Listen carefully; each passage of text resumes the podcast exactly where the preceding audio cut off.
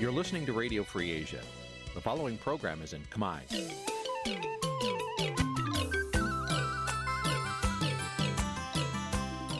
Nǐ chi càm bi tiệp xáy vệt chiu a zì sê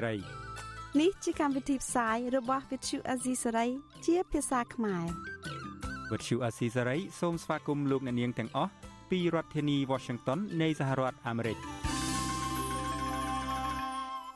រដ្ឋធានី Washington នាងខ្ញុំសុជីវីសូមជម្រាបសួរលោកអ្នកនាងកញ្ញាអ្នកស្ដាប់ Vithu Azisari ទាំងអស់ជាទីមេត្រីយើខ្ញុំសូមជូនកម្មវិធីផ្សាយសម្រាប់ព្រឹកថ្ងៃប្រហ័ស400ខែពិសាឆ្នាំខាលចត្វាស័កពុទ្ធសករាជ2566ត្រូវនៅថ្ងៃទី19ខែឧសភា គ្រិស្តសករាជ2022ចាស់ជាដំបូងនេះសូមអញ្ជើញលោកអ្នកនាងស្ដាប់ព័ត៌មានប្រចាំថ្ងៃដែលមានមេត្តាដូចតទៅ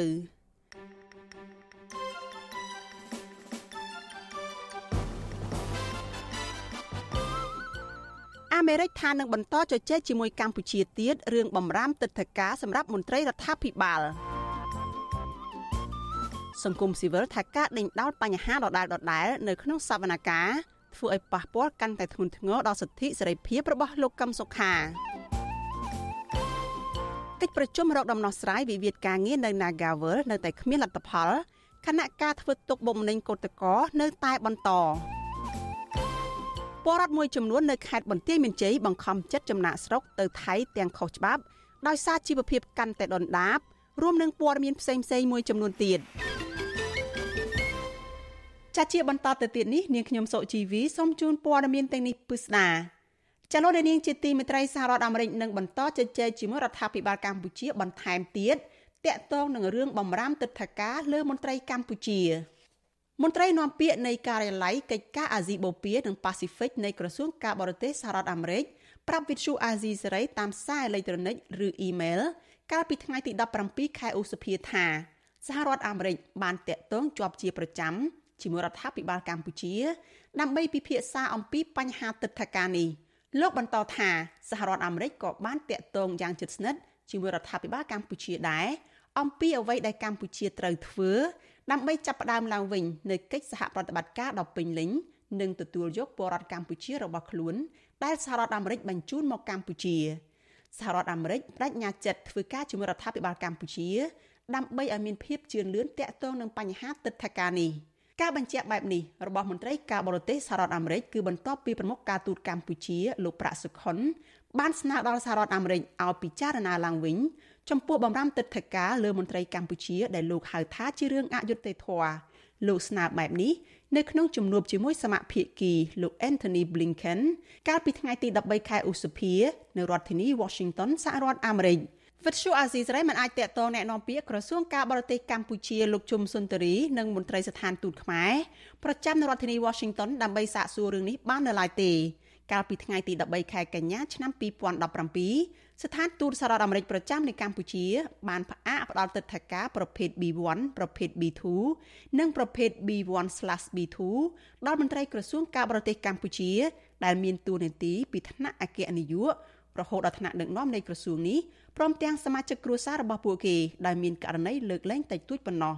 សេចក្តីសម្រេចនេះគឺពាក់ព័ន្ធនឹងការដែលរដ្ឋាភិបាលលោកហ៊ុនសែនបានបដិសេធឬក៏ប្រើប្រាស់ហេតុផលមិនសមស្របដើម្បីពន្យាពេលទទួលយកពលរដ្ឋខ្មែរ ដែលត្រូវបញ្ជូនពីសហរដ្ឋអាមេរិកឲ្យត្រឡប់ទៅកម្ពុជាវិញអ្នកតាមដានស្ថានភាពនយោបាយជឿជាក់ថាហេតុផលពិតប្រាកដនៃបំរាមទឹកធការលើមន្ត្រីកម្ពុជានេះគឺដោយសារតែការរំលោភសិទ្ធិមនុស្សធ្ងន់ធ្ងរជាប្រព័ន្ធនិងការគាស់រំលើងគ្រឹះប្រជាធិបតេយ្យនៅកម្ពុជា ប្រព្រឹត្តដោយរដ្ឋាភិបាលលោកហ៊ុនសែន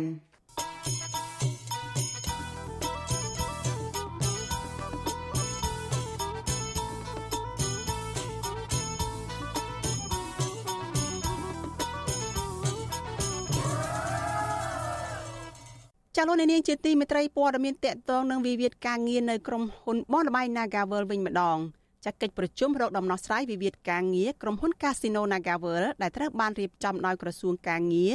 កាលពីរសៀលថ្ងៃទី18ខែឧសភាបានបញ្ចប់ទៅដោយមិនបានទទួលលទ្ធផលអ្វីសោះប្រធានសហជីពត្រួតត្រងសិទ្ធិការងារបុគ្គលិកកម្មករខ្មែរនៃក្រុមហ៊ុន Nagavel កញ្ញាឈឹមស៊ីធប្រាប់វិទ្យុអាស៊ីសេរីថាកិច្ចប្រជុំនេះប្រើពេលត្រឹមតែកន្លះម៉ោងប៉ុណ្ណោះ ដោយសារมันមានអ្វីត្រូវនិយាយព្រោះភាគីក្រុមហ៊ុននៅតែប្រកាន់ជំហរមិនព្រមទទួលយកបុគ្គលិកប្រមាណ200នាក់ឲ្យចូលធ្វើការវិញនោះទេកញ្ញាបន្តថា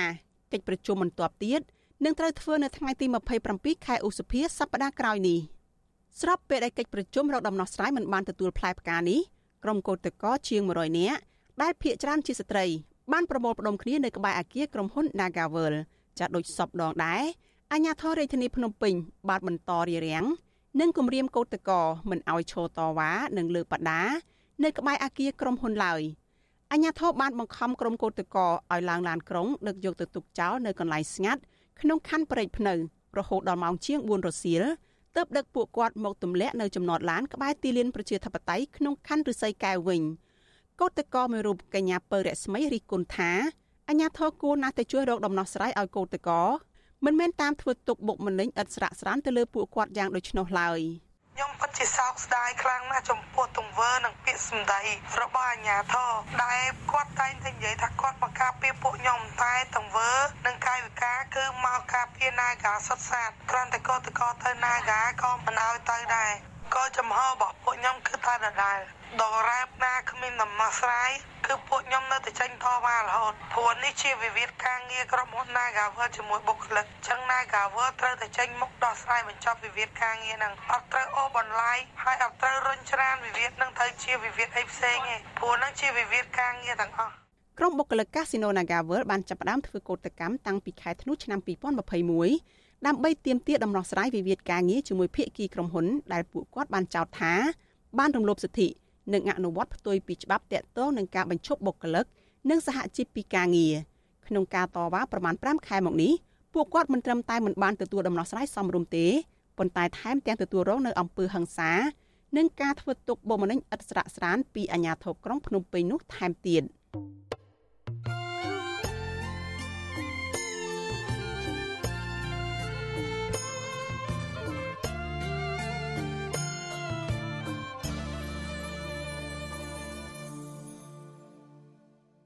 លោកនាងកញ្ញាប្រិយមិត្តជាទីមេត្រីចាស់ព័ត៌មានដាច់ដោយឡែកមួយទៀតចាស់ប្រជាពលរដ្ឋមួយចំនួននៅឯស្រុកស្វាយជ័យខេត្តបន្ទាយមានជ័យ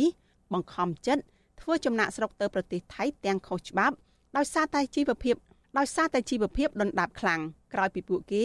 មិនមានការងារធ្វើនៅក្នុងស្រុកពលរដ្ឋទាំងនោះស្នើរដ្ឋាភិបាលជួយសម្រួលក្នុងការធ្វើលិខិតឆ្លងដែន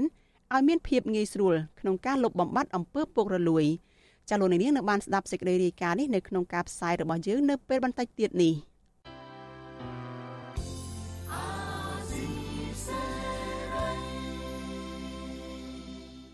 លោកនាងកំពុងស្ដាប់ការផ្សាយរបស់ Vithu Azizi សេរីចាប់ផ្សាយចេញពីរដ្ឋធានី Washington សហរដ្ឋអាមេរិកមេធាវីការពារក្តីឲ្យមេបកប្រឆាំងលោកកឹមសុខាឲ្យដឹងថាតុលាការនៅតែលើកយកភ័ស្តុតាងជាខ្សែវីដេអូកាលពីឆ្នាំ2013 ដើម្បីដាក់បន្ទុកកូនក្តីរបស់លោកឲ្យសារភាពពាក់ព័ន្ធនឹងការចោទប្រកាន់ប៉ុនប៉ងផ្ដួលរំលំរដ្ឋាភិបាលមេធាវីនិងក្រុមអង្គការសង្គមស៊ីវិលផ្នែកសិទ្ធិមនុស្សយល់ថាការលើកយកបញ្ហាដែលបានដោះស្រាយហើយមកដាក់បន្ទុកនេះកាន់តែធ្វើឲ្យដំណើរការសវនកម្មលោកកឹមសុខាអូសបន្លាយពេលដែលធ្វើឲ្យប៉ះពាល់ទៅដល់សិទ្ធិសេរីភាពរបស់លោកពីរដ្ឋធានី Washington លោកយ៉ងច័ន្ទដារារាយការណ៍ព័ត៌មាននេះ សាលាដំបងរាជធានីភ្នំពេញបន្តសកម្មភាពលើកទី40លើសំណុំរឿងប្រធានគណៈបកសង្គ្រោះជាតិលោកកឹមសុខាដោយតុលាការបន្តលើកយកឃ្លីបវីដេអូពាក់ព័ន្ធនឹងការបោះឆ្នោតកាលពីឆ្នាំ2013មកសួរដេញដោលនៅក្នុងអង្គសវនាការនៅថ្ងៃទី18ឧសភាមេធាវីការពារក្តីឲ្យលោកកឹមសុខាគឺលោកផែងហេងថ្លែងប្រាប់ក្រុមអ្នកសារព័ត៌មានក្រោយបញ្ចប់សវនាការថាការលើកយកភ័ស្តុតាងជាឃ្លីបវីដេអូដដាលដដាលនេះធ្វើឲ្យមានភាពតានតឹងរវាងអង្គជំនុំជម្រះនិងជនជាប់ចោទតែប៉ុណ្ណោះ។ ដោយសារតឡាការយកភ័ស្តុតាងទាំងនោះចេញពីប្រភពមិនច្បាស់លាស់និងមិនអាចធ្វើជាមូលដ្ឋានបានឡើយ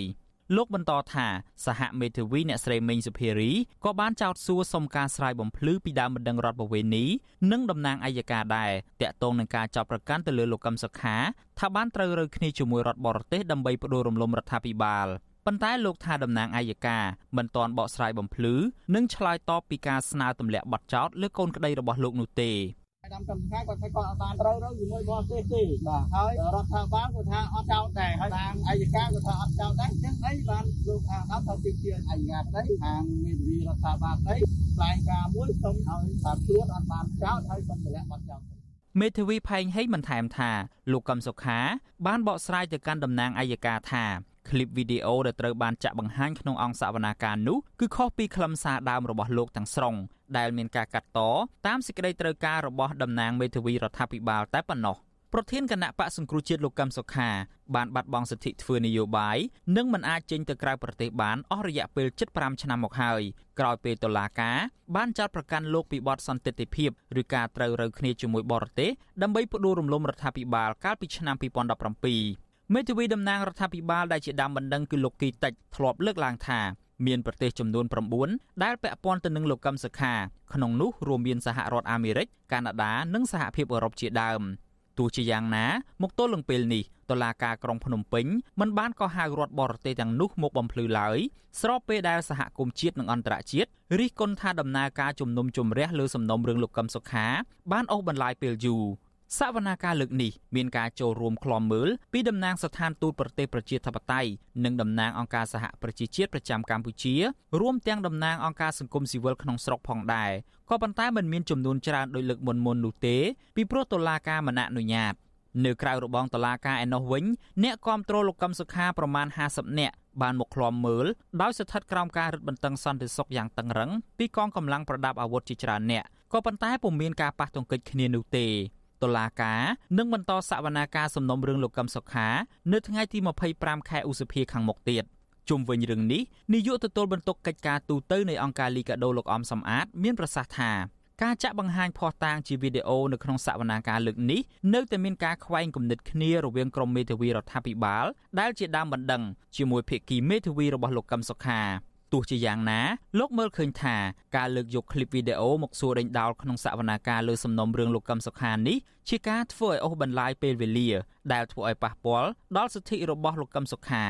លោកអមសំអាតនៅតែជំរុញដល់អ្នកនយោបាយឲ្យផ្សះផ្សាគ្នាដោយយកវប្បធម៌សន្តិនិកជាគោលហើយដំកល់ឧត្តមផលប្រយោជន៍ជាតិនិងប្រជាពលរដ្ឋជាធំនិងងាកមកធ្វើការប្រកួតប្រជែងគ្នាតាមការបោះឆ្នោតតាមបែបប្រជាធិបតេយ្យវិញ។ ការបោះឆ្នោតក្រុមប្រឹក្សាឃុំសង្កាត់ខាងមុខនេះវារំលងផុតទៅហើយគាត់មិនអាចធ្វើនយោបាយពេញបានទេហើយបើសិនជាសវនកម្មនេះអូសបន្លាយកាន់តែវែងចឹងការបោះឆ្នោតជាតិឆ្នាំ2023ក៏អាចរំលងផុតទៅដែរយើងជាអង្គការសង្គមស៊ីវិលយើងមើលឃើញបទពិសោធន៍វត្តពីមុនដែលអ្នកនយោបាយគាត់ធ្វើការសន្តិការចរចាគ្នាដើម្បីស្វែងរកដំណោះស្រាយនៃវិបត្តិនយោបាយ កាលពីខែមេសាកន្លងទៅសមាជិកសភាអឺរ៉ុបភាគច្រើនលើសលប់បានទាមទារឲ្យរដ្ឋាភិបាលលោកហ៊ុនសែនលុបចោលការចោទប្រកាន់ដែលគ្មានមូលដ្ឋានច្បាប់និងប្រគល់សេរីភាពជូនលោកកឹមសុខាលោកសំរងស៊ីអ្នកស្រីមូសុហួរនិងមន្ត្រីព្រមទាំងសកម្មជនគណៈបកសង្គ្រោះជាតិផ្សេងផ្សេងទៀតហើយត្រូវអនុញ្ញាតឲ្យគណៈបកសង្គ្រោះជាតិចូលរួមការបោះឆ្នោតនាពេលខាងមុខនេះសហភាពអឺរ៉ុបថែមទាំងជំរុញឲ្យក្រុមប្រឹក្សាអឺរ៉ុប ត្រូវតែប្រើវិធានការទាំងអស់ដែលមានដូចជាការព្យួរទាំងស្រុងនៅប្រព័ន្ធអនុគ្រោះពន្ធផ្នែកពាណិជ្ជកម្មឬ EBA ប្រសិនបើរកឃើញថាការបោះឆ្នោតខាងមុខនេះមានភាពអយុត្តិធម៌ខ្ញុំយ៉ងច័ន្ទដារាវិទ្យុអាស៊ីសេរីរាយការណ៍ពីរដ្ឋធានី Washington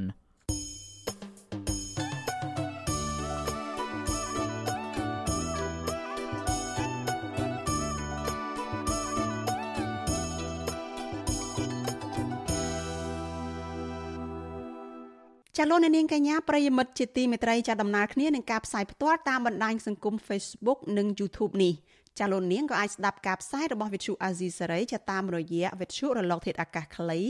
ឬ Shortwave តាមកម្រិតនិងកម្ពស់ដូចតទៅនេះពេលព្រឹកចាប់ពីម៉ោង5កន្លះដល់ម៉ោង6កន្លះតាមរយៈរលកធាតុអាកាសខ្លី12140 kHz ស្មើនឹងកម្ពស់ 25m និង13715 kHz ស្មើនឹងកម្ពស់ 22m ចាប់ពេលយប់ចាប់ពីម៉ោង7កន្លះដល់ម៉ោង8កន្លះតាមរយៈរលកធាតុអាកាសខ្លី9960 kHz ស្មើនឹងកម្ពស់ 30m 12140 kHz ស្មើនឹងកម្ពស់ 25m និង11885 kHz ស្មើនឹងកម្ពស់ 25m ចលនានាងជាទីមេត្រីលោកអ្នកកំពុងតែតាមដានការផ្សាយរបស់វិទ្យុអាស៊ីសេរីចាស្ថាបនិកគណៈបកបេះដូងជាតិលោកសៀមភ្លុកប្រាប់តុលាការជាន់ខ្ពស់ថាសាលាដំបងរាជធានីភ្នំពេញបានសម្រេចឃុំខ្លួនលោករឿងបញ្ហាស្នាមមេដៃព្រោះការបង្កើតគណៈបកនយោបាយនោះគឺជារឿងធ្ងន់ធ្ងរពេកលោកក៏ស្នើទៅតុលាការឲ្យផ្ដល់សេរីភាពជូនលោកវិញដូចគ្នានេះដែរមន្ត្រីសង្គមស៊ីវិលជំរុញថាការឃុំខ្លួនលោកសៀមភ្លុក គឺមិនត្រឹមត្រូវតាមច្បាប់ស្តីពីគណៈបកនយោបាយនោះឡើយចារូទីនសការីយ៉ារាយការណ៍អំពីរឿងនេះស្ថាបនិកគណៈបកបដងជាលោកសៀមផ្លុកលើកឡើងនៅក្នុងតុលាការថាលោកគ្មានបំណងទុច្ចរិតខ្លាយបន្លំឯកសារក្នុងការបង្កើតគណៈបកបដងជាតិកាលពីឆ្នាំ2021កន្លងទៅនោះទេលោកសៀមផ្លុកឲ្យដឹងទៀតថាលោកមិនមែនជាអ្នកចុះផ្ទាល់ទៅប្រមូលស្នាមមេដាយអ្នកគាំទ្រនោះដែរគឺតំណាងគណៈបកនៅតាមខេត្តជាអ្នករៀបចំ ស្ថាបនិកគណៈបកបដងជារូបនេះលើកឡើងថាត្រឹមតែក្រសួងមហាផ្ទៃមិនចុះបញ្ជីឲ្យគណៈបករបស់លោកគឺល្មមគ្រប់គ្រាន់ហើយលោកសៀមផ្លុកលើកឡើងដូចនេះនៅក្នុងសវនាការសភាស៊ើបសួរស្លាវធររាជធានីភ្នំពេញសវនាការនេះពិភាក្សាដេញដោលលើករណីខំខ្លួនស្ថាបនិកគណៈបកបេដងជាតិលោកសៀមផ្លុកសវនាការអសច្ចរណៈនេះមិនបានអនុញ្ញាតឲ្យមហាជនឬមន្ត្រីសង្គមស៊ីវិលចូលឃ្លាំមើលនោះទេគឺមានតែវត្តមានក្រុមប្រឹក្សាជំនុំជម្រះមេធាវីការពារក្តី និងលោកសៀមផ្លុកតែប៉ុណ្ណោះមេធាវីការពារក្តីលោកសៀមផ្លុកគឺលោកមេធាវីជួងជងីឲ្យវិទ្យុអាស៊ីសេរីដឹងថាកូនក្តីរបស់លោកមិនអាចដឹងថាស្នាមមេដាយដែលប្រមូលបានមកដើម្បីបង្កើតគណៈបកបេដងជាតិនោះមានបញ្ហានោះឡើយលោកមេធាវីឲ្យដឹងទៀតថាទោះជាស្នាមមេដាយនោះត្រូវបានក្រសួងមហាផ្ទៃរកឃើញថាមានបញ្ហាក្តីក៏មិនបានបង្កផលប៉ះពាល់ដល់សង្គមជាតិនោះដែរ។ បេះដូងជាតិនឹងលោកអត់មានជំនាញក្នុងការពិនិត្យស្នាមដៃឬក៏ពិនិត្យអត្តសញ្ញាណប័ណ្ណដែលប្រជាប្រដ្ឋផូតូឲ្យមកនឹងទេគឺតំណាងគណៈបកបេះដូងជាតិពេលដែលទៅរៀបចំមានតំណាងទៅរៀបចំបញ្ជូនមកដល់លោកសៀមភ្លុកគាត់ក៏ចុះហត្ថលេខាដើម្បីបញ្ជូនឯកសារទៅក្រសួងមហាផ្ទៃអញ្ចឹងលោកសៀមភ្លុកគាត់លើកឡើងថាការដែលក្រសួងមហាផ្ទៃមិនចុះបញ្ជីឲ្យនឹងជាទណ្ឌកម្មរួចហើយគឺមកជាប់ប្រកាន់គាត់ពីបទក្លែងបន្លំដាក់ពន្ធនាគារគាត់ទៀតនឹងដូចជាធូនធ្ងរសម្រាប់គាត់ពេកអ្នកសម្របសម្រួលផ្នែកអង្គការរបស់អង្គការឃ្លាំមើលការបោះឆ្នោត Confrel លោកកនសវាងយល់ថាការឃុំខ្លួនលោកសៀមភ្លុកមិនស្របតាមច្បាប់បោះឆ្នោតនោះទេលោកថាករណីនេះបានធ្វើឲ្យប៉ះពាល់ដល់សិទ្ធិនយោបាយថែមទៀតផងលោកបន្តថាទោះជាក្រសួងមហាផ្ទៃរកឃើញថាឯកសារនៃការស្នើសុំបង្កើតគណៈបកបេដងជាតិលោកបន្តទៀតថាទោះជាក្រសួងមហាផ្ទៃរកឃើញថាឯកសារនៃការស្នើសុំបង្កើតគណៈបកនយោបាយមានបញ្ហាក៏ច្បាប់ស្ដីពីគណៈបកនយោបាយ មិនតម្រូវឲ្យក្រសួងមហាផ្ទៃប្តឹងតំណាងគណៈបកនយោបាយនោះទៅតុលាការដែរករ ណីនេះគឺជាករណីទី1ហើយដែលខ្ញុំធ្លាប់ជួបដែលខ្ញុំធ្វើការជាង10ឆ្នាំគឺថាមិនដែលមានគណៈបកយោបាយណាមួយដែលត្រូវដេញចោតប្រកាន់ដោយការឃុំខ្លួននឹងទេបាទដោយដោយការចុះបញ្ជីគណៈបកយោបាយនឹងទេទើបតែឃើញលើកនេះបាទដែលមានការចោតប្រកាន់ទៅលើស្ថាបនិករបស់គណៈបកបេះដូងជាតិនឹងដែលហើយឃុំខ្លួនថែមទៀតនេះគឺជាចំណុចមួយដែលយើងឃើញថាវាជាបញ្ហាប្រឈមតាក់ទងនឹងសិទ្ធិនយោបាយនឹងខ្លាំងណាស់បាទ តើតើនឹងការលើកឡើងនេះវិទ្យុអសិរ័យមិនអាចសុំការឆ្លើយតបពីអ្នកនាំពាក្យក្រសួងមហាផ្ទៃលោកខៀវសុភ័ក្រដើម្បីសួរអំពីបញ្ហានេះបន្ថែមបានទេនៅថ្ងៃទី18ឧសភាចំណែកអ្នកនាំពាក្យគណៈបកប្រជាជនកម្ពុជាលោកសុកអេសានធ្លាប់ចោទប្រកាន់ថាលោកសំរងស៊ីនៅពីក្រោយនៃការធ្វើសកម្មភាពបង្កើតគណៈបកបដងជាតិរបស់លោកសៀមភ្លុកសមត្ថកិច្ចបានឃុំខ្លួនស្ថាបនិកគណៈបកបដងជាតិលោកសៀមភ្លុកដាក់ពន្ធនាគារប្រៃសណមមួយកាលពីថ្ងៃទី27មេសាតើតើនៅបាត់ចោលប្រកាន់ខ្លាញ់បន្លំនិងប្រាប្រាស់លិខិតខ្លាញ់តាមបណ្ដឹងរបស់ក្រសួងមហាផ្ទៃពាក់ព័ន្ធនឹងការស្នើសុំបង្កើតគណៈបកបដងជាតិកាលពីឆ្នាំ2021លោកមេធាវីជួងជងីរិគុណថាតឡាការឃុំខ្លួនលោកសៀមភ្លុកពាក់ព័ន្ធនឹងរឿងស្នាមមេដៃគឺអយុត្តិធម៌ចំពោះកូនក្តីរបស់លោកព្រោះក្នុងចំណោមស្នាមមេដៃដែលបានដាក់ជូនក្រសួងមហាផ្ទៃគឺមានបញ្ហាតែជាង200ស្នាមមេដៃប៉ុណ្ណោះក្នុងចំណោមស្នាមមេដៃជាង4000ស្នាមមេដៃនោះ ហើយបើទោះបីជាក្រសួងមហាផ្ទៃមិនទទួលស្គាល់ស្នាមមេដៃដែលក្រសួងអះអាងថាមានបញ្ហាទាំងនោះស្នាមមេដៃដែលនៅសេសសល់គឺគ្រប់ចំនួនអាចស្នើបង្កើតគណៈបកនយោបាយបានសាលាឧទ្ធរនឹងប្រកាសសាលដីកាថានឹងផ្ដល់សេរីភាពឬបន្តឃុំខ្លួនលោកសៀមផ្លុកនៅថ្ងៃទី26ឧសភាខាងមុខនេះខ្ញុំទីនសាការីយ៉ាអស៊ីសេរីប្រធានីវ៉ាស៊ីនតោនលោកដានៀងកញ្ញាប្រិយមិត្តជាទីមេត្រីសកម្មជនគណៈបកប្រឆាំងដែលកំពុងជាប់ឃុំនៅពន្ធនាគារព្រៃសរបានផ្ញើលិខិតមួយច្បាប់ អំពាវនាវដល់ពលរដ្ឋឲ្យទៅបោះឆ្នោតទាំងអស់គ្នា នៅថ្ងៃទី5ខែមិថុនាខាងមុខដើម្បីផ្លាស់ប្តូរឋានៈដឹកនាំនៅមូលដ្ឋានដោយសន្តិវិធី ពួកគេក៏ស្នើទៅពលរដ្ឋឲ្យបោះឆ្នោតឲ្យគណៈបកភ្លើងទៀនផងដែរមន្ត្រីសង្គមស៊ីវិលធ្វើការងារតាក់ទងនឹងការបោះឆ្នោតយល់ថាលិខិតអ្នកជាប់ឃុំនេះគឺជាសេរីភាពបញ្ចេញមតិនិងជាការជំរុញទៅពលរដ្ឋឲ្យចូលរួមការបោះឆ្នោតដែលស្របទៅនឹងច្បាប់ក្រុមអ្នកជាប់ឃុំនៅពន្ធនាគារព្រៃសរលើកឡើងថា ការបោះឆ្នោតខាងមុខគឺជាការបើកឱកាសផ្ដល់សិទ្ធិដល់ពលរដ្ឋក្នុងការជ្រើសរើសមេដឹកនាំឬផ្លាស់ប្ដូរមេដឹកនាំដោយសន្តិវិធីអហិង្សាបញ្ជាសង្គ្រាម រំលត់សង្គ្រាម និងបញ្ចប់សង្គ្រាមបង្ហូរឈាមលិខិតរបស់សកម្មជនគណៈបកសង្គ្រោះជាតិកាលពីថ្ងៃទី14ខែឧសភាប្រាប់ទៅពលរដ្ឋកុំឲ្យចាញ់បោកអ្នកនយោបាយដែលតែងតែគម្រាមកំហែងសម្លុតបំភ័យថាបើខ្លួនចាញ់ឆ្នោតនឹងផ្ទុះសង្គ្រាម ត្បិតការសម្លុតបំភ័យនោះគឺមិនពិតទេសកម្មជននយោបាយដែលជាប់ឃុំព្រោះរឿងនយោបាយទាំងនោះអំពាវនាវដល់ជនរួមជាតិខ្មែរឲ្យទៅបោះឆ្នោតតាមឆន្ទៈនិងសម្បញ្ញញ្ញៈរបស់ខ្លួនពួកគេលើកឡើងទៀតថាក្នុងចំណោមគណៈបកទាំង17ដែលចូលរួមការប្រកួតប្រជែងការបោះឆ្នោតគណៈបកភ្លើងទៀនជាគណៈបកដែលមានកម្លាំងនយោបាយគ្រប់គ្រាន់ក្នុងការជួយសង្គ្រោះលទ្ធិប្រជាធិបតេយ្យស្ដារប្រព័ន្ធយុត្តិធម៌និងធ្វើឲ្យកម្ពុជាមានសន្តិភាពពិតប្រាកដ ប្រពន្ធមន្ត្រីគណៈបកសង្គ្រោះជាតិលោកកកុម្ភាគឺលោកស្រីព្រំចន្ទថាដែលប្តីរបស់លោកស្រីបានចុះហត្ថលេខាលើលិខិតដែរនោះប្រាប់វិទ្យុអាស៊ីសេរីនៅថ្ងៃទី18ខែឧសភាថាប្តីលោកស្រីចង់ឃើញពលរដ្ឋដែលមានសិទ្ធិបោះឆ្នោតទៅបោះឆ្នោតទាំងអស់គ្នាលោកស្រីយល់ថាប្តីរបស់លោកស្រីនិងអ្នកជាប់ឃុំផ្សេងទៀតរំពឹងថាក្រោយការបោះឆ្នោតនៅពេលដែលគណៈបកភ្លើងទៀនឈ្នះឆ្នោត ឬទទួលបានសម្លេងគាំទ្រច្រើននិងជំរុញឲ្យមានដំណោះស្រាយនយោបាយ។នឹងអាចមានការចរចាឬក៏យ៉ាងណាមិញដំណោះស្រាយនយោបាយនឹងអាចបញ្ចប់វិបត្តិនយោបាយក្នុងពេលឆាប់ឆាប់នេះសំខាន់គឺគណៈគណៈបកភ្លើងទៀននឹងអាចមានសម្លេងច្រើនដើម្បីឲ្យរដ្ឋាភិបាលនឹងអាចធ្វើការចរចាដើម្បីបញ្ចប់វិបត្តិនយោបាយឬក៏ដោះលែងនយោបាយទាំងអស់ព្រោះសំខាន់ឥឡូវនេះគឺវាគំនាបផ្នែកនយោបាយដល់ពេលអញ្ចឹងត្រូវដោះស្រាយតាមប្រព័ន្ធនយោបាយមិនមែនប្រព័ន្ធតុលាការទេចា៎នៅរយៈពេលចុងក្រោយនេះ ក្រុមអ្នកជាប់ឃុំនៅពន្ធនាគារព្រៃសរព្រោះរឿងនយោបាយតែងផ្ញើលិខិតចេញពីពន្ធនាគារដោយស្នើឲ្យមានការគោរពសិទ្ធិមនុស្សប្រជាធិបតេយ្យនិងទាមទារឲ្យមានដំណោះស្រាយនយោបាយជាដើមតើតើករណីនេះវិទ្យុអាស៊ីសេរីមិនអាចសុំការអធិប្បាយពីអ្នកនាំពាក្យគណៈបកប្រជាជនកម្ពុជាលោកសុកអេសានបានទេនៅថ្ងៃទី18ខែឧសភា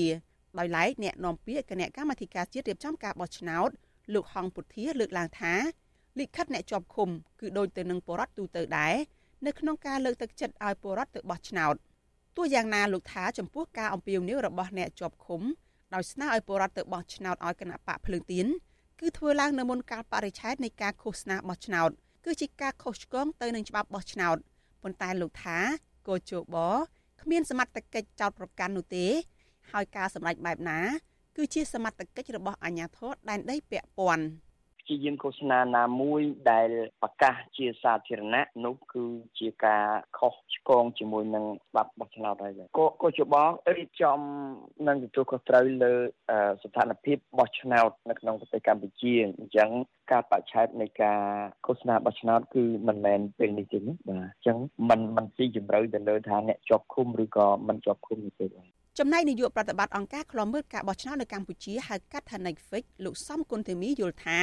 លិខិតអ្នកជាប់ឃុំនេះគឺជាការលើកទឹកចិត្តដល់ពលរដ្ឋឲ្យទៅបោះឆ្នោតដើម្បីឲ្យមានការផ្លាស់ប្ដូរដោយវិជ្ជមានលោកបន្តថាការលើកឡើងរបស់អ្នកជាប់ឃុំស្នើទៅពលរដ្ឋឲ្យបោះឆ្នោតជូនគណៈបកភ្លើងទៀនក៏មិនខុសនឹងច្បាប់បោះឆ្នោតឡើយនោះគ្រាន់តែជាការផ្ដល់យោបល់ដល់ពលរដ្ឋជាម្ចាស់ឆ្នោតតែប៉ុណ្ណោះ។ អានេះជាការសម្ដែងមតិការផ្ដល់ជាយោបល់ទៅឲ្យម្ចាស់ឆ្នោតទេមិនមានពាក្យព័ន្ធអីគ្នាទេគាត់ពួកគាត់គាត់ឆ្លាញ់គោលនយោបាយភ្លើងទៀនអញ្ចឹងទៅគាត់ព្រៀងនេះឲ្យប្រជាពលរដ្ឋហ្នឹងជួយគ្រប់គ្រងភ្លើងទៀនហ្នឹងណាបាទយុទ្ធនាការរកសម្លេងឆ្នោតរបស់គណៈបកនយោបាយនៅពេលខាងមុខនេះគឺមានរយៈពេល14ថ្ងៃដែលនឹងចាប់ផ្ដើមពីថ្ងៃទី21ខែឧសភាដល់ថ្ងៃទី3ខែមិថុនាខាងមុខទោះយ៉ាងណាកន្លងមក លោកនាយរដ្ឋមន្ត្រីហ៊ុនសែននៅពេលដែលថ្លែងជាសាធារណៈម្ដងម្ដងតែងស្នើទៅពលរដ្ឋឲ្យបោះឆ្នោតជូនគណៈបកប្រជាជនកម្ពុជាប៉ុន្តែគណៈកម្មាធិការជាតិរៀបចំការបោះឆ្នោតមិនដែលរំលឹកឬប្រមានលោកហ៊ុនសែនថាឃោសនាខុសច្បាប់ម្ដងណាឡើយ។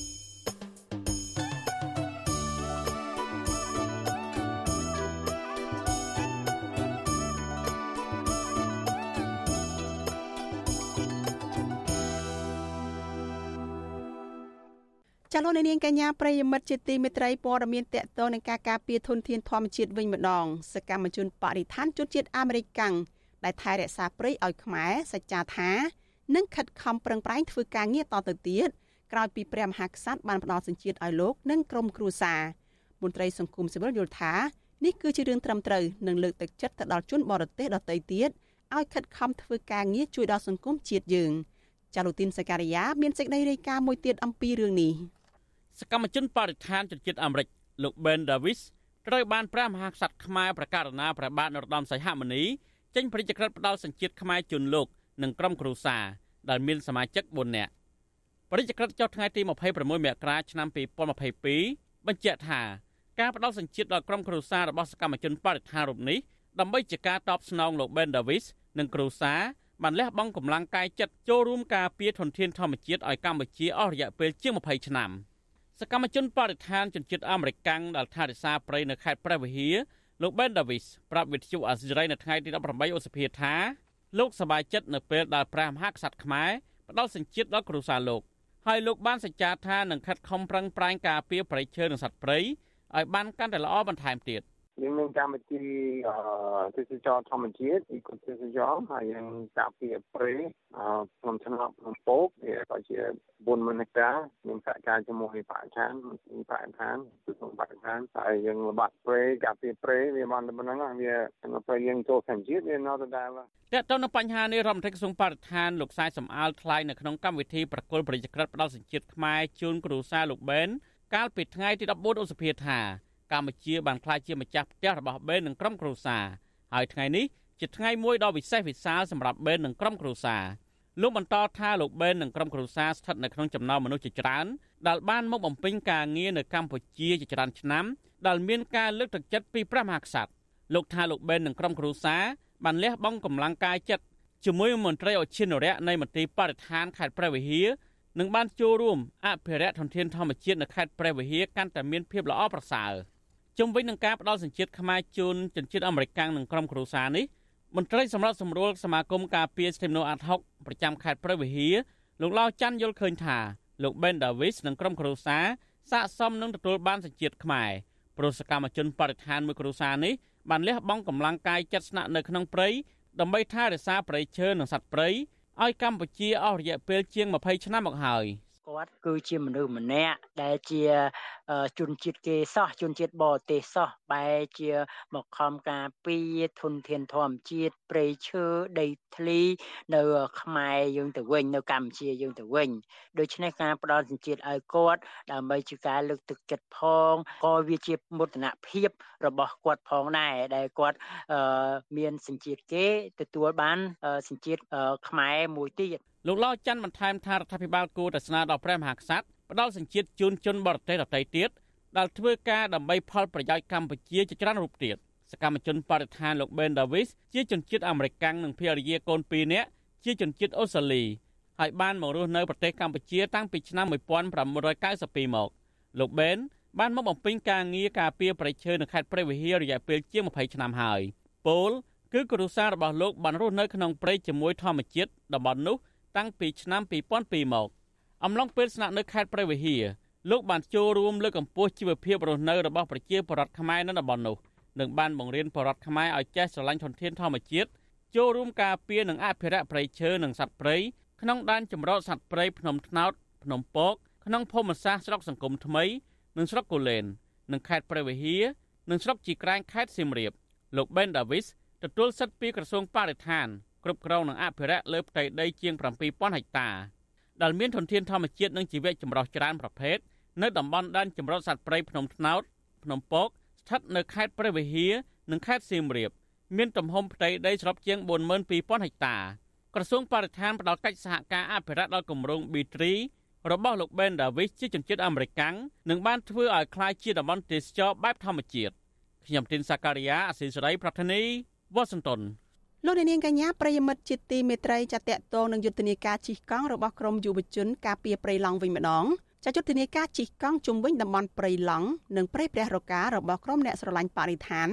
បានធ្វើដំណើរដល់ឃុំទំរីងស្រុកសណ្ដានខេត្តកំពង់ធំហើយកាលពីរសៀលថ្ងៃទី18ខែឧសភាក្រុមយុវជនទាំង25នាក់បានផ្ដើមជិះកង់ដោយចេញពីទីរួមខេត្តកំពង់ធំកាលពីថ្ងៃទី10ខែឧសភាមកដល់ពេលនេះពួកគេធ្វើដំណើរបានប្រវែងជាង400គីឡូម៉ែត្រហើយ។ យុវជនចូលរួមជិះកង់គឺលោកម៉ាចត្រាលោកប្រាប់វិទ្យុអាស៊ីសេរីថា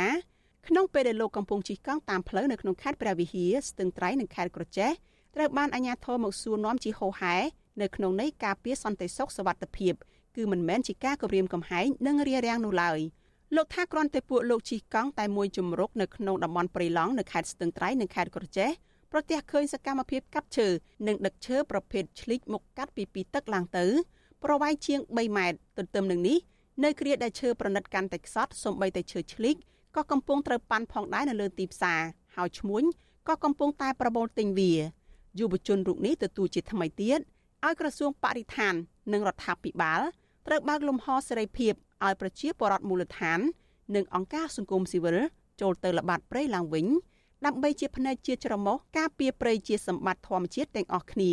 ការដែលគេដឹកហ្នឹងគឺក្បែរប៉ុស្តិ៍បរិស្ថានដែរយើងគិតមើលទៅថាតើហេតុអីបានគេអាចដឹកបានខណៈដែលមានប៉ុស្តិ៍បរិស្ថាននៅហ្នឹងបាទខ្ញុំអំពាវនាវដល់រដ្ឋាភិបាលក៏ដូចជាអាដាមសាយសំអាលដែលជាបញ្ញវន្តមួយរូបពិចារណាឡើងវិញចំពោះការរឹតបន្តឹងសិទ្ធិសេរីភាពក្នុងសហគមន៍ហ្នឹងព្រោះអីការរឹតបន្តឹងសេរីភាពក្នុងសហគមន៍ហ្នឹងវាអត់បានផ្ដល់ផលប្រយោជន៍អីសោះសម្រាប់រដ្ឋាភិបាល ក៏ដូចជាប្រជាពលរដ្ឋខ្មែរយើងដែរក្រុមអ្នកស្រឡាញ់បរិស្ថានទាំងនោះមកពីសមាគមអង្គការសង្គមស៊ីវិលនិងប្រជាសហគមន៍មូលដ្ឋានចំនួន15ស្ថាប័ន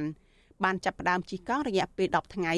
គិតចាប់តាំងពីថ្ងៃទី10ខែឧសភាដល់ថ្ងៃទី20ខែឧសភា នៅក្រោមប្រធានបទលើកកម្ពស់កិច្ចការពារបរិស្ថាន និងចីរភាពធនធានធម្មជាតិនិងសុខុមាលភាពមនុស្សជាតិក្រុមអ្នកជិះកង់25នាក់ក្នុងនោះមានស្ត្រី7នាក់បានពាក់ឯកសណ្ឋានអាវពណ៌លឿង ភ្ជាប់នឹងពាក្យស្លោកថាលើកកម្ពស់កិច្ចការពារបរិស្ថាន ដើម្បីចីរភាពធនធានធម្មជាតិអមដោយទង់ជាតិខ្មែរដោតជាប់នឹងកង់ឆ្លើយតបនឹងការលើកឡើងនេះអ្នកនាំពាក្យក្រសួងបរិស្ថានលោកនេតភក្ត្រាប្រាប់វិទ្យុអាស៊ីសេរីថាយុទ្ធនាការជិះកង់របស់ក្រមយុវជន គឺជាសិទ្ធិរបស់ពួកគេ តែត្រូវធ្វើឡើងដោយស្របតាមច្បាប់ក្នុងយុទ្ធនាការនេះក្រុមអ្នកជិះកង់បានកំណត់រយៈចម្ងាយប្រហែលពី60ទៅ70គីឡូម៉ែត្រនៅក្នុងមួយថ្ងៃទើបឈប់សម្រាកនៅពេលយប់ ដោយពុំបានកំណត់ទីកន្លែងស្នាក់នៅនោះទេគឺប្រសិនបើធ្វើដំណើរដល់កន្លែងណាមានវត្តអារាមឬផ្ទះអ្នកស្រុកពួកគេនឹងសុំផ្ទះអ្នកភូមិស្នាក់នៅជាបណ្ដោះអាសន្នព្រឹត្តិការណ៍នេះយុវជនបានបែងចែកជាយុទ្ធនាការ3សកម្មភាពដើម្បីអបអរទិវាបរិស្ថានពិភពលោកឆ្នាំ2022នេះគឺទី1នឹងជិះកង់ចម្ងាយ600គីឡូម៉ែត្ររយៈពេល10ថ្ងៃទី2យុទ្ធនាការតាមបណ្ដាញសង្គមដើម្បីផ្សព្វផ្សាយបញ្ហាព្រៃឈើនិងបម្រែបម្រួលអាកាសធាតុ និងសកម្មភាពទី3រៀបចំសិក្ខាសាលាធំនៅរាជធានីភ្នំពេញដើម្បីលើកកម្ពស់កិច្ចការពារធនធានធម្មជាតិ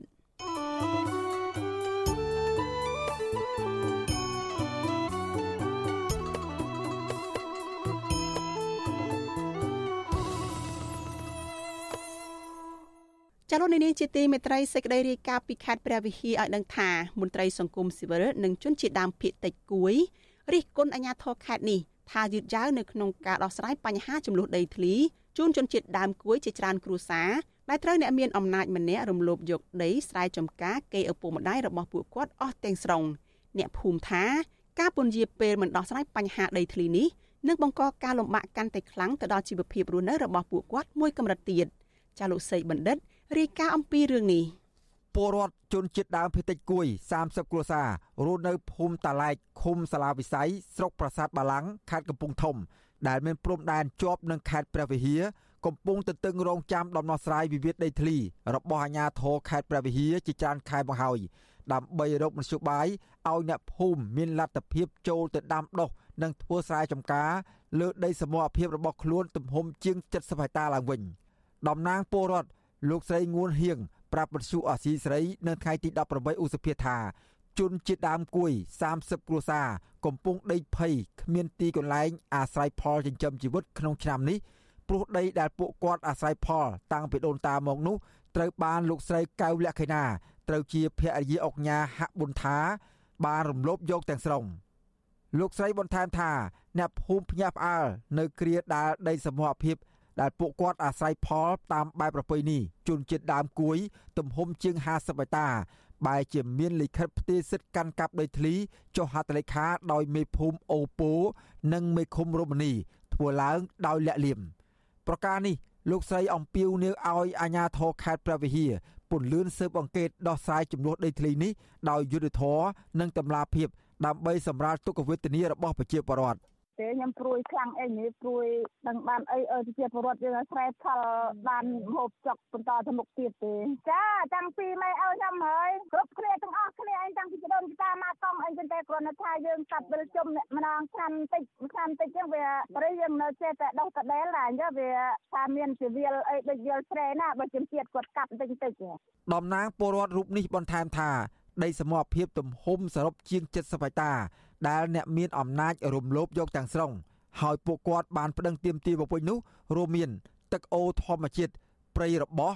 ទីទួលបុរាណត្រពាំងសត្វព្រៃដីចំការវល់ជុំព្រៃពនិតចរនិងដីកសិកម្មជាដើមអ្នកភូមិចាត់ទុកព្រៃតំបន់នោះ ជាប្រភពសេដ្ឋកិច្ចយ៉ាងសំខាន់របស់ពួកគាត់ដែលដាំដុះនិងអាស្រ័យផលតាំងពីដូនតាច្រើនជំនាន់មកហើយលោកស្រីថាបច្ចុប្បន្នដីតំបន់នោះ ត្រូវបានអ្នកស្រីកៅលក្ខិណាគ្រប់គ្រងស្ទើរតែទាំងស្រុងហើយរីឯគ្រួសារលោកស្រី បានស្រែកតវ៉ាទាមទារដីនោះមកវិញ តែត្រូវអ្នកមានអំណាចរូបនេះប្តឹងទៅតុលាការខេត្តព្រះវិហារដើម្បីគម្រាមកំហែងបណ្ដាលឲ្យអ្នកភូមិខ្លះខ្លាចរអាហើយរត់ចោលស្រុកវិទ្យុអាស៊ីសេរីនៅពុំទាន់អាចតាក់ទងសុំការបំភ្លឺអំពីរឿងនេះពីលោកស្រីលក្ខិណាបាននៅឡើយទេ នៅថ្ងៃទី18ខែឧសភាដោយទូរស័ព្ទហៅចូលច្រើនដងតែគ្មានអ្នកទទួល ចំណែកអភិបាលខេត្តព្រះវិហារលោកប្រាក់សវណ្ណក៏មិនទាន់អាចសុំការបំភ្លឺបានដែរនៅថ្ងៃដដែលនោះចំណែកមេឃុំរមនី លោកខុតរីប្រាប់បទសុអាស៊ីសេរីយ៉ាងខ្លីថាលោកមិនបានចុះហត្ថលេខា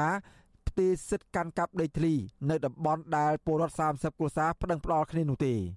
អត់ទេអត់បានអត់បានសញ្ញេទេបាទអត់បានសញ្ញេទេចំណែកឯក្រមយុវជនជនជាតិដើមភៀតតិចគួយ ដែលចុះអង្កេតរឿងគឺលោកព្រៀងរតបារម្ភថា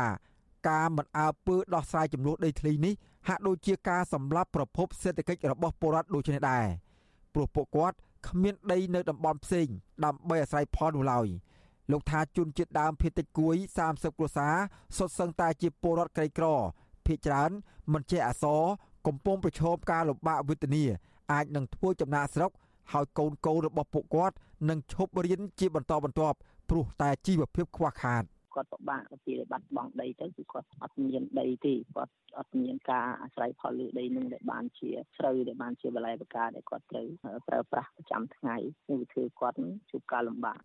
កាលពីថ្ងៃទី14ខែកុម្ភៈកន្លងទៅក្រសួងដែនដីនគររូបនីយកម្មនិងសំណង់នៅរាជធានីភ្នំពេញបានសរសេរលិខិតស្នើសុំឲ្យអាជ្ញាធរខេត្តប្រវៀដោះស្រាយចំនួនដីធ្លីនេះក្រោយពីក្រសួងទទួលបានញត្តិសុំកិច្ចអន្តរាគមន៍ពីជនជាតិដើមគួយ30គ្រួសារ ប៉ុន្តែមកទល់នឹងពេលនេះពុំឃើញអាជ្ញាធរខេត្តនេះដោះស្រាយឲ្យជ្រះស្រឡះនៅឡើយទេ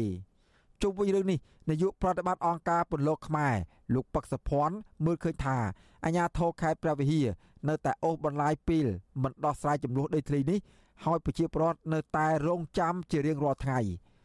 លោកចាត់ទុកទង្វើរបស់អាជ្ញាធរខេត្តនេះថាជាការប្រងើយកន្តើយមិនគោរពរដ្ឋធម្មនុញ្ញដែលចែងថារាល់ការស្នើសុំរបស់ពលរដ្ឋអាជ្ញាធររដ្ឋ ត្រូវតែដោះស្រាយជាបន្ទាន់គឺជាការមើលស្រាលទៅដល់ប្រជាពលរដ្ឋខ្លួនឯងដែលមានរងទុក្ខដោយសារការរំលោភដីធ្លីប្រពៃណីតំបន់ជំនឿរបស់គាត់ហើយបែរទៅជាទុកឱកាសឲ្យភាគីក្រុមហ៊ុនជាអ្នកមានសិទ្ធិមានអំណាចច្រើនជាងពលរដ្ឋអានឹងជារឿងដែលវាផ្ទុយទៅនឹងគោលការណ៍ច្បាប់តំបន់សន្លងស្លដែកឬហៅម្យ៉ាងទៀតថាសន្លងថ្នោត ជាកន្លែងគោរពបូជាយ៉ាងសំខាន់របស់អ្នកស្រុកតាំងពីដើមមកលើពីនេះតំបន់នោះមានអំណោយផលគបប្រសើរឲ្យអ្នកស្រុកធ្វើស្រែចម្ការគ្រប់រដូវកាលបានហើយមានស្រះទឹកបុរាណដែលដូនតាគួយកសាងដើម្បីចម្រាញ់ថ្មឲ្យคล้ายជាដែកអមដោយជើងក្រានបំពង់បង្ហូរដែកជាដើមពលរដ្ឋជនជាតិដើមភៀតតិចគួយបញ្ជាក់ថាសំណល់វប្បធម៌របស់ជនជាតិដើមគួយទាំងនេះត្រូវបានកម្មកររបស់លោកស្រីកៅលក្ខិណា ឈូសកំទេចចោលទាំងស្រុងបន្ថែមពីលើនេះទៀតតំបន់នោះ មានដើមឈើធំធំទួលបុរាណសត្វព្រៃវល្លិនិងកន្លែងខ្វៀលគោក្របី ដែលអ្នកស្រុកចាត់ទុកថា ជារបស់ជនជាតិដើមគួយត្រូវបានបាត់បង់ទាំងស្រុងហើយបច្ចុប្បន្នតំបន់នោះគ្រប់គ្រងដោយអ្នកមានអំណាចម្នាក់គឺលោកស្រីកៅលក្ខិណាត្រូវជាភរិយារបស់អង្គញាហប៊ុនថា ដែលបច្ចុប្បន្នអង្គញារូបនេះបានទទួលមរណភាពហើយ ខ្ញុំបាទសេកបណ្ឌិតវុទ្ធុអាស៊ីសេរីពីរដ្ឋធានីវ៉ាស៊ីនតោនលោកអ្នកនាងកញ្ញាជាទីមេត្រីចាព័ត៌មានតកតងនឹងបញ្ហាសុខភាពវិញម្ដងចាកម្ពុជាប្រកាសឲ្យប្រយ័ត្នពីជំងឺរលាកថ្លើមប្រភេទថ្មីខណៈជំងឺនេះត្រូវបានគេរកឃើញថាកើតមាននៅក្នុងប្រទេសជាច្រើននៅក្នុងពិភពលោកកាលពីខែមេសាកន្លងទៅនេះលោកនាយរដ្ឋមន្ត្រីហ៊ុនសែនបានថ្លែងនៅក្នុងពិធីសំណេះសំណាលជាមួយនឹងក្រុមគ្រូពេទ្យស្ម័គ្រចិត្តយុវជនរបស់លោកកាលពីថ្ងៃទី17ខែឧសភាថា មានជំងឺរលាកថ្លើមប្រភេទថ្មីបានកើតឡើងទោះបីជាជំងឺនេះមិនទាន់មកដល់កម្ពុជានៅឡើយក្តីលោកបញ្ជាក់ទៀតថាឥឡូវនេះជំងឺរលាកថ្លើមប្រភេទថ្មីនឹងបង្កបញ្ហាទៀតហើយបើទោះបីជាវាមិនទាន់មកដល់កម្ពុជាក៏ដោយក៏ថ្ងៃណាមួយ លោកថាវានឹងអាចមកដល់ទន្ទឹមគ្នានេះលោកបានប្រកាសឲ្យមានការប្រុងប្រយ័ត្ននិងបានស្នើឲ្យក្រសួងសុខាភិបាលត្រៀមខ្លួនទុកជាមុនក្នុងការបង្ការជំងឺនេះ រដ្ឋលេខាធិការនិងជាអ្នកនាំពាក្យក្រសួងសុខាភិបាលអ្នកស្រីអាវវ៉ាន់ឌិនបានប្រាប់សារព័ត៌មានក្នុងស្រុកកាលពីសប្តាហ៍មុនថាចាប់ពីខែមេសាឆ្នាំ2022កន្លងទៅនេះអង្គការសុខភាពពិភពលោកបានទទួលរបាយការណ៍ពីប្រទេសចំនួន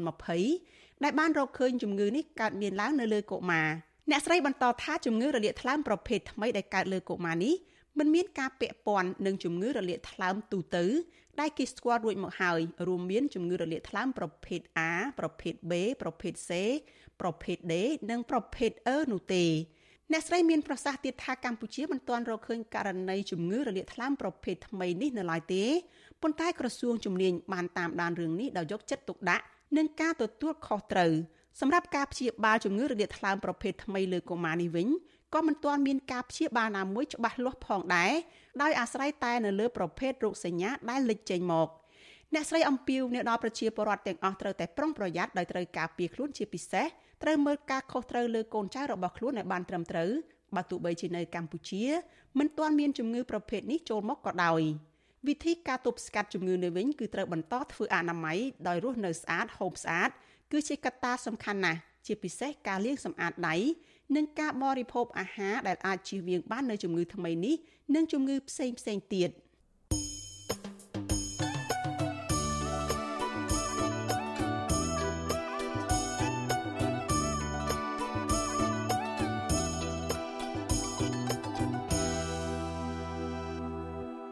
លោកអ្នកនាងកញ្ញាប្រិយមិត្តជាទីមេត្រីចាលោកអ្នកកំពុងតែតាមដានការផ្សាយរបស់ Vithu Azizi សេរីចាប់ផ្សាយចេញពីរដ្ឋធានី Washington សហរដ្ឋអាមេរិក។ ចាប់ប្រជាពលរដ្ឋមួយចំនួននៅស្រុកស្វាយជែកខេត្តបន្ទាយមានជ័យ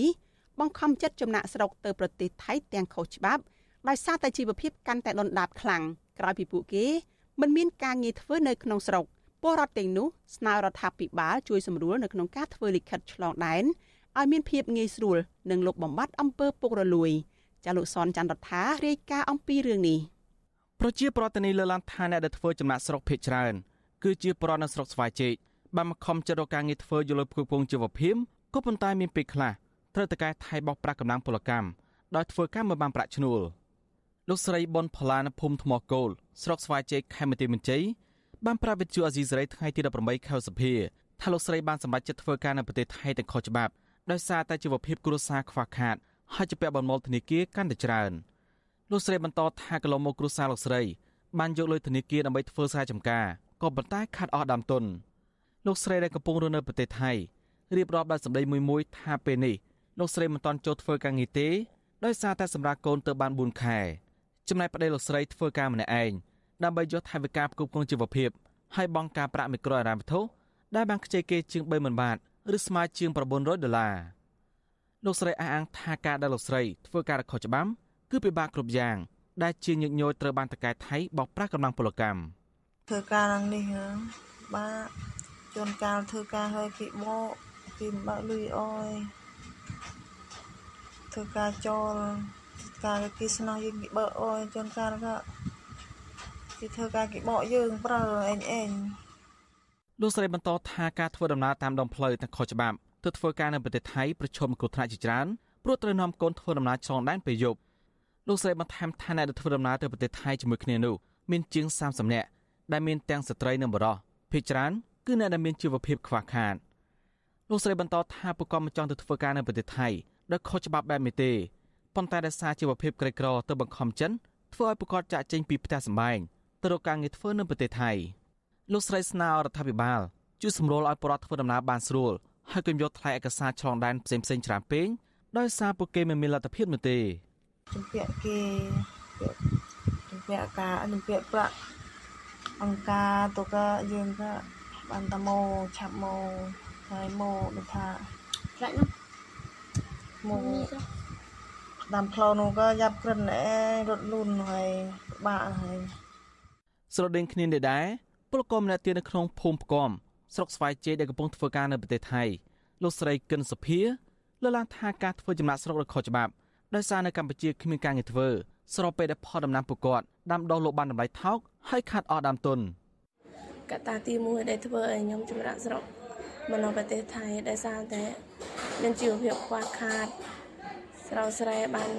ផលតិចដំឡូងមានការចោះថោប្រេងសុទ្ធបីចឡើងថ្លៃជីឡើងថ្លៃថ្នាំស្រូវដំណាំឡើងថ្លៃទាំងអស់ធ្វើបានផលតិចទើបខ្ញុំសម្រេចចិត្តចំណាក់ស្រុកមកនៅប្រទេសគេចំណែកប្រជាប្រដ្ឋម្នាក់ទៀតគឺលោកស្រីឈឿននាង នៅភូមិថ្មីស្រុកស្វាយជែកលើកឡើងថាបើទោះបីជារដ្ឋាភិបាល បានប្រកាសបើកច្រកចេញចូលប្រទេសថៃហើយក៏ដោយក៏ប៉ុន្តែមានបរិបទខ្លះទៀតបានឆ្លងដែនទៅរកការងារធ្វើឬខុសច្បាប់ដដែលដោយសារតែការធ្វើលិខិតឆ្លងដែននិងឯកសារថ្លៃពេកដែលធ្វើពួកគេកាន់តែលំបាកស្របពេលដែលពួកគាត់កំពុងជាពាក់លុយធនាគារលោកស្រីបន្តថាការធ្វើលិខិតឆ្លងដែនត្រូវចំណាយម្នាក់ជា10000បាតឬស្មើប្រមាណ300ដុល្លារទើបអាចធ្វើការងារបាន នៅរដ្ឋាភិបាលគេបើកច្រកឲ្យចុះឡើងស្រួលព្រោះអីមានបាត់ប៉ាសពតអញ្ចឹងបើកឲ្យយើងឡើងមកតម្លៃដូចយើងចុះឡើង300ដូចពីមុនអញ្ចឹងឲ្យបើកច្រកឡើងមកស្រួលចុះស្រួលអញ្ចឹងលោកស្រីបន្តថាបើសិនជារដ្ឋាភិបាលមិនសម្រួលពីតម្លៃធ្វើលិខិតឆ្លងដែននិងឯកសារមួយចំនួនឲ្យមានភាពងាយស្រួលហើយតម្លៃថោកជាងបច្ចុប្បន្នទេពលរដ្ឋទាំងនោះ នៅតែបន្តឆ្លងដែនខុសច្បាប់ដដែលលោកស្រីបន្តថាពលរដ្ឋភេជ្ច្រើនធ្វើការនៅប្រទេសថៃបានលុយមកវិញបង់តែធនាគារនិងលិខិតឆ្លងដែនស្របពេលដែលពលរដ្ឋខ្លះទៀតត្រូវបានមេខ្យល់បោកយកទៅទម្លាក់ចោលតាមព្រំដែនហើយត្រូវអាជ្ញាធរថៃចាប់ខ្លួនក៏មានដែរវិទ្យុអាស៊ីសេរីមិនទាន់អាចតទៅអ្នកនាំពាក្យរដ្ឋាភិបាលដើម្បីសូមអធិប្បាយអំពីបញ្ហានេះបានទេ នៅថ្ងៃទី18ខែសភាដោយហៅទូរស័ព្ទចូលមិនមានអ្នកទទួលជុំវិញរឿងនេះ មន្ត្រីកម្មវិធីនៃមជ្ឈមណ្ឌលសម្ព័ន្ធភាពការងារនិងសិទ្ធិមនុស្សលោកឌីថេហូយ៉ាលើកឡើងថាបញ្ហាចំណាក់ស្រុកដ៏ខុសច្បាប់នេះគឺជារឿងមួយដែលរដ្ឋាភិបាលត្រូវយកចិត្តទុកដាក់ខ្ពស់ដោះស្រាយបញ្ហាជូនដល់ប្រជាពលរដ្ឋលោកថាកន្លងមករដ្ឋាភិបាលហាក់មិនសូវយកចិត្តទុកដាក់ដោះស្រាយបញ្ហានេះទេដែលធ្វើឲ្យប្រជាពលរដ្ឋនៅតែបន្តឆ្លងដែនឬខុសច្បាប់លោកមើលឃើញថាបញ្ហាចម្បងដោយសារតែប្រជាពលរដ្ឋមានបញ្ហាជីវភាពខ្វះខាតស្របពេលដែលតម្លៃឯកសារផ្សេងៗនៅលិខិតឆ្លងដែនមានតម្លៃខ្ពស់ហួសពីសមត្ថភាពរបស់ប្រជាពលរដ្ឋកើត ចេញពីហេតុផលទាំងហ្នឹងហើយយើងសូមអំពាវនាវដល់រដ្ឋាភិបាលមេត្តាគិតគូរធ្វើណាបង្កើតយន្តការឲ្យសមស្របណាមួយដើម្បីឲ្យពលរដ្ឋយើងលោកទទួលបានឯកសារស្របច្បាប់ដោយអាចធ្វើនៅក្នុងមូលដ្ឋានខេត្តឬស្រុកអីជាដើមចឹងទៅទី2គឺពាក់ព័ន្ធនឹងតម្លៃការធ្វើឯកសារហ្នឹងក៏មិនត្រូវថ្លៃហួសហេតុពេក ហួសលើសអំពីលទ្ធភាពដែលគាត់ទៅទៅធ្វើកើតអញ្ចឹងបើសិនជាតម្លៃនឹងវាសមរម្យគាត់អាចធ្វើកើតគាត់នឹងធ្វើហើយនឹងទី2ទី3គឺពាក់ព័ន្ធនឹងរយៈពេលនៃការធ្វើហ្នឹងក៏មេត្តាសម្រួលទៅមិនឲ្យអឺមានរយៈពេលខ្លីគាត់ធ្វើបានឆាប់រហ័សទៅតាមចឹងទៅ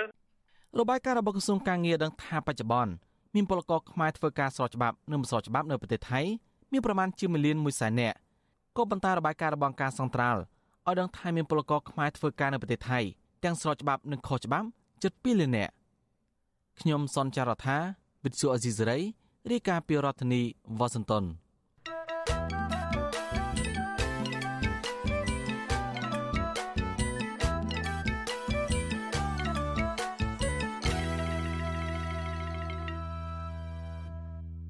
ចលនានាងជាទីមេត្រីគណៈបកនយោបាយមួយចំនួនអះអាងថាពួកគេបានត្រៀមរួចរាល់ហើយដើម្បីធ្វើយុទ្ធនាការឃោសនារកសម្លេងឆ្នោតរយៈពេល14ថ្ងៃសម្រាប់ការប្រកួតប្រជែងដណ្ដើមយកអាសនៈក្រុមប្រឹក្សាឃុំសង្កាត់អាណត្តិទី5ដើម្បីទទួលបានការគ្រប់គ្រងពីម្ចាស់ឆ្នោតមន្ត្រីសង្គមស៊ីវិលអំពាវនាវដល់អាជ្ញាធរនិងកោជបត្រូវបង្កបរិយាកាសល្អដល់គ្រប់គណៈបកនយោបាយក្នុងការឃោសនារកសម្លេងឆ្នោតនៅចុងសប្តាហ៍នេះចាលោកមានរិទ្ធ រាយការណ៍ព័ត៌មាននេះគណៈបណ្ឌនយោបាយមួយចំនួនដែលបានដាក់បេក្ខជនឈរឈ្មោះបោះឆ្នោតឃុំសង្កាត់អាណត្តិទី5នេះលើកឡើងថាពួកគេបានត្រៀមផែនការសកម្មភាពសម្ភារៈនិងថវិកាសម្រាប់យុទ្ធនាការឃោសនាបោះឆ្នោតជ្រើសរើសក្រុមប្រឹក្សាឃុំសង្កាត់រួចជាស្រេចហើយពីព្រោះថាការឃោសនារកសម្លេងឆ្នោតនេះគឺជាចំណុចមួយដ៏សំខាន់ដែលអាចឲ្យគណៈបណ្ឌនយោបាយកើនប្រជាប្រិយភាពបានអ្នកនាំពាក្យគណៈបកកណ្ដាលអំណាច លោកសុកអេសាន លើកឡើងថាគណៈបកប្រជាជនកម្ពុជា មានបទពិសោធន៍គ្រប់គ្រាន់ក្នុងការរៀបចំយុទ្ធនាការឃោសនាបោះឆ្នោតស្របតាមគោលការណ៍ច្បាប់និងគោលនយោបាយឃុំសង្កាត់របស់គណៈបកសម្រាប់ឆ្នាំ2022ដល់ឆ្នាំ2027ដែលផ្ដោតលើគ្រប់វិស័យរួមមានលទ្ធិប្រជាធិបតេយ្យនិងសិទ្ធិមនុស្សជាពិសេសគោលនយោបាយភូមិឃុំមានសវត្ថិភាព លោកបញ្ជាក់ថាគណៈបកប្រជាជនកម្ពុជា បានដាក់ចេញនៅសកម្មភាព មានដូចជាការហែកក្បួនចំនួន2ដង គឺនៅថ្ងៃចាប់ផ្ដើម និងនៅថ្ងៃចុងបញ្ចប់នៃយុទ្ធនាការឃោសនាបោះឆ្នោតបានត្រៀមវាគ្មិនចូលរួមជាមួយគណៈកម្មាធិការជាតិរៀបចំការបោះឆ្នោតហៅកាត់ថាកោចបនិងអង្គការក្រៅរដ្ឋាភិបាល ហើយមានវីដេអូសម្រាប់ចាក់តាមប្រព័ន្ធផ្សព្វផ្សាយព្រមទាំងបានណែនាំដល់សកម្មជននៅតាមមូលដ្ឋានឲ្យរៀបចំតុបតែងទីស្នាក់ការគណៈបក និងចែកសិភៅកម្មវិធីនយោបាយរបស់បកផងដែរឆ្លងកាត់រយៈពេលដែលយើងដឹកនាំប្រទេសហ្នឹងគឺថាវាមានជួបបញ្ហាអីនៅមូលដ្ឋានយើងលើកបញ្ហាហ្នឹងដើម្បីបង្ហាញប្រជាពលរដ្ឋជាម្ចាស់ឆ្នោតឲ្យមើលឃើញអំពីការរីកចម្រើនការជឿនលឿននៃគោលនយោបាយកម្មវិធីនយោបាយរបស់គណៈបកឲ្យតាមរយៈការអនុវត្តកម្មវិធីនយោបាយកន្លងទៅនេះតើបំផុចលទ្ធផលជាផ្លែផ្កាយ៉ាងម៉េចខ្លះចំណែកឯអនុប្រធាននឹងជាអ្នកនាំពាក្យគណៈបកភ្លើងទៀន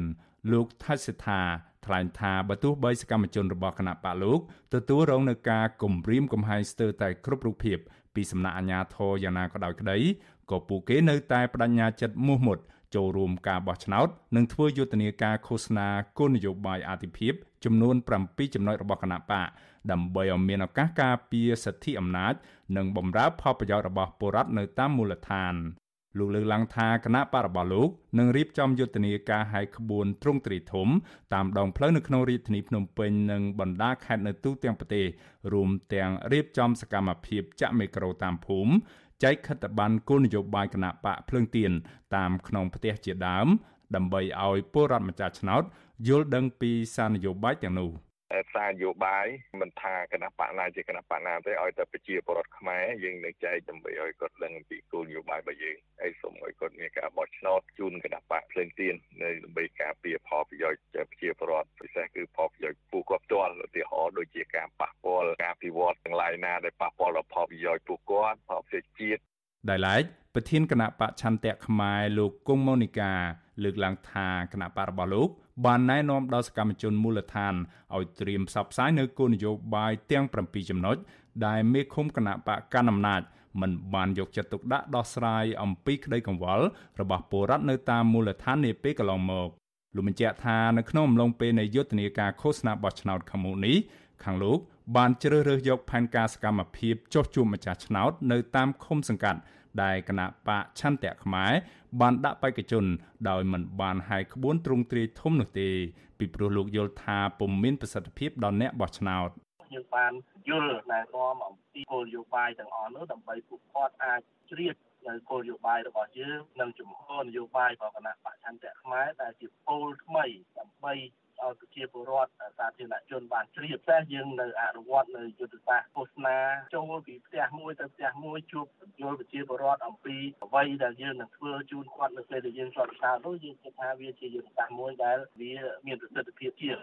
ស្រដៀងគ្នានេះដែរប្រធាននាយកដ្ឋានកិច្ចការបោះឆ្នោតនៃគណៈបកកម្ពុជានិយម លោកយីសីហាថ្លែងថាគណៈបករបស់លោកបានត្រៀមសារនយោបាយសម្ភារៈបច្ចេកទេសនិងមធ្យោបាយផ្សេងទៀតសម្រាប់យុទ្ធនាការឃោសនាបោះឆ្នោត រយៈពេល14ថ្ងៃរួចហើយលោកសង្ឃឹមថាតាមរយៈសមត្ថភាពបេក្ខជន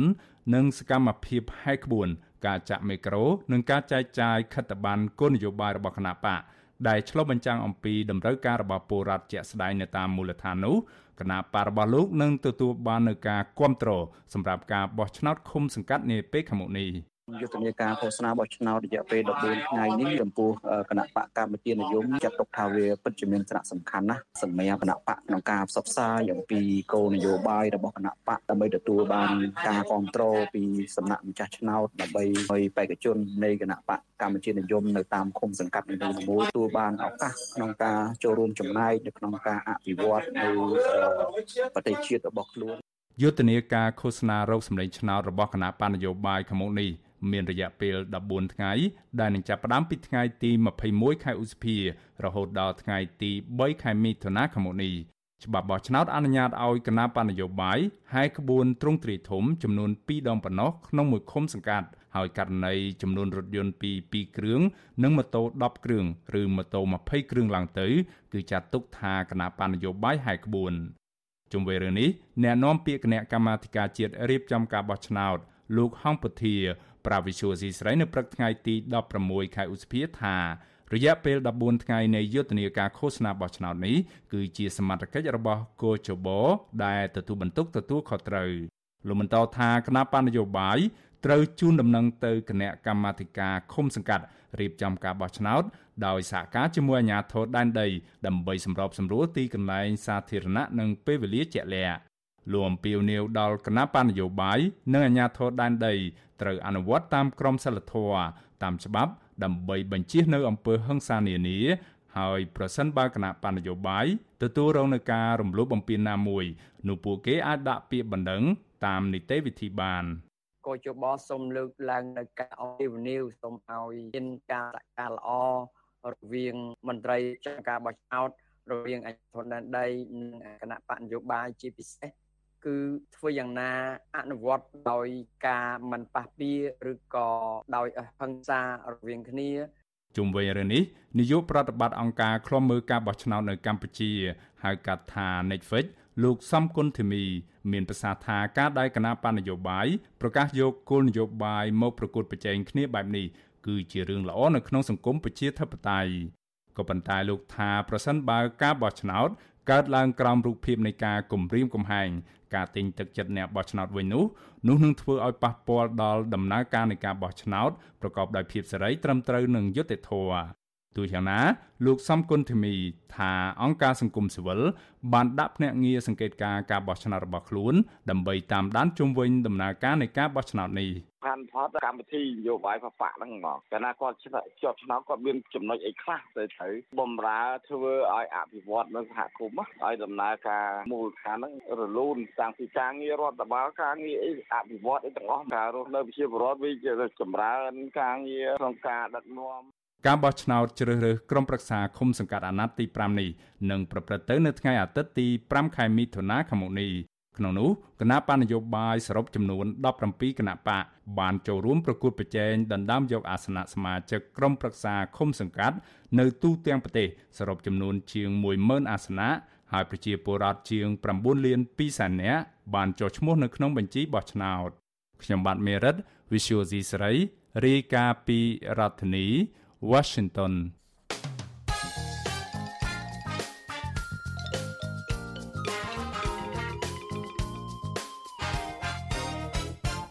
ចាលោកអ្នកនាងជាទីមេត្រីចាការផ្សាយរយៈពេល1ម៉ោងរបស់វិទ្យុអាស៊ីសេរីនៅព្រឹកនេះចាប់ត្រឹមតែប៉ុណ្ណេះចានេះខ្ញុំសុជីវីព្រមទាំងក្រុមការងារទាំងអស់នៃវិទ្យុអាស៊ីសេរីចាសូមជូនពរដល់លោកអ្នកនាងកញ្ញានិងក្រុមគ្រួសារទាំងអស់ឲ្យជួបប្រកបតែនឹងសេចក្តីសុខចម្រើនរុងរឿងកុំបីឃ្លៀងឃ្លាតឡើយ ចានេះខ្ញុំសូមអរគុណនិងសូមជម្រាបលា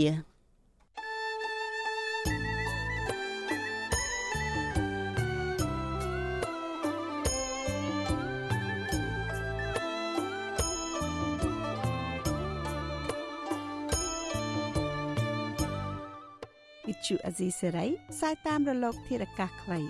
ឬ short wave តាមកម្រិតនិងកម្ពស់ដូចតទៅនេះពេលព្រឹកចាប់ពីម៉ោង5កន្លះដល់ម៉ោង6កន្លះ តាមរយៈរលកធាតុអាកាសខ្លី12140 kHz ស្មើនឹងកម្ពស់ 25m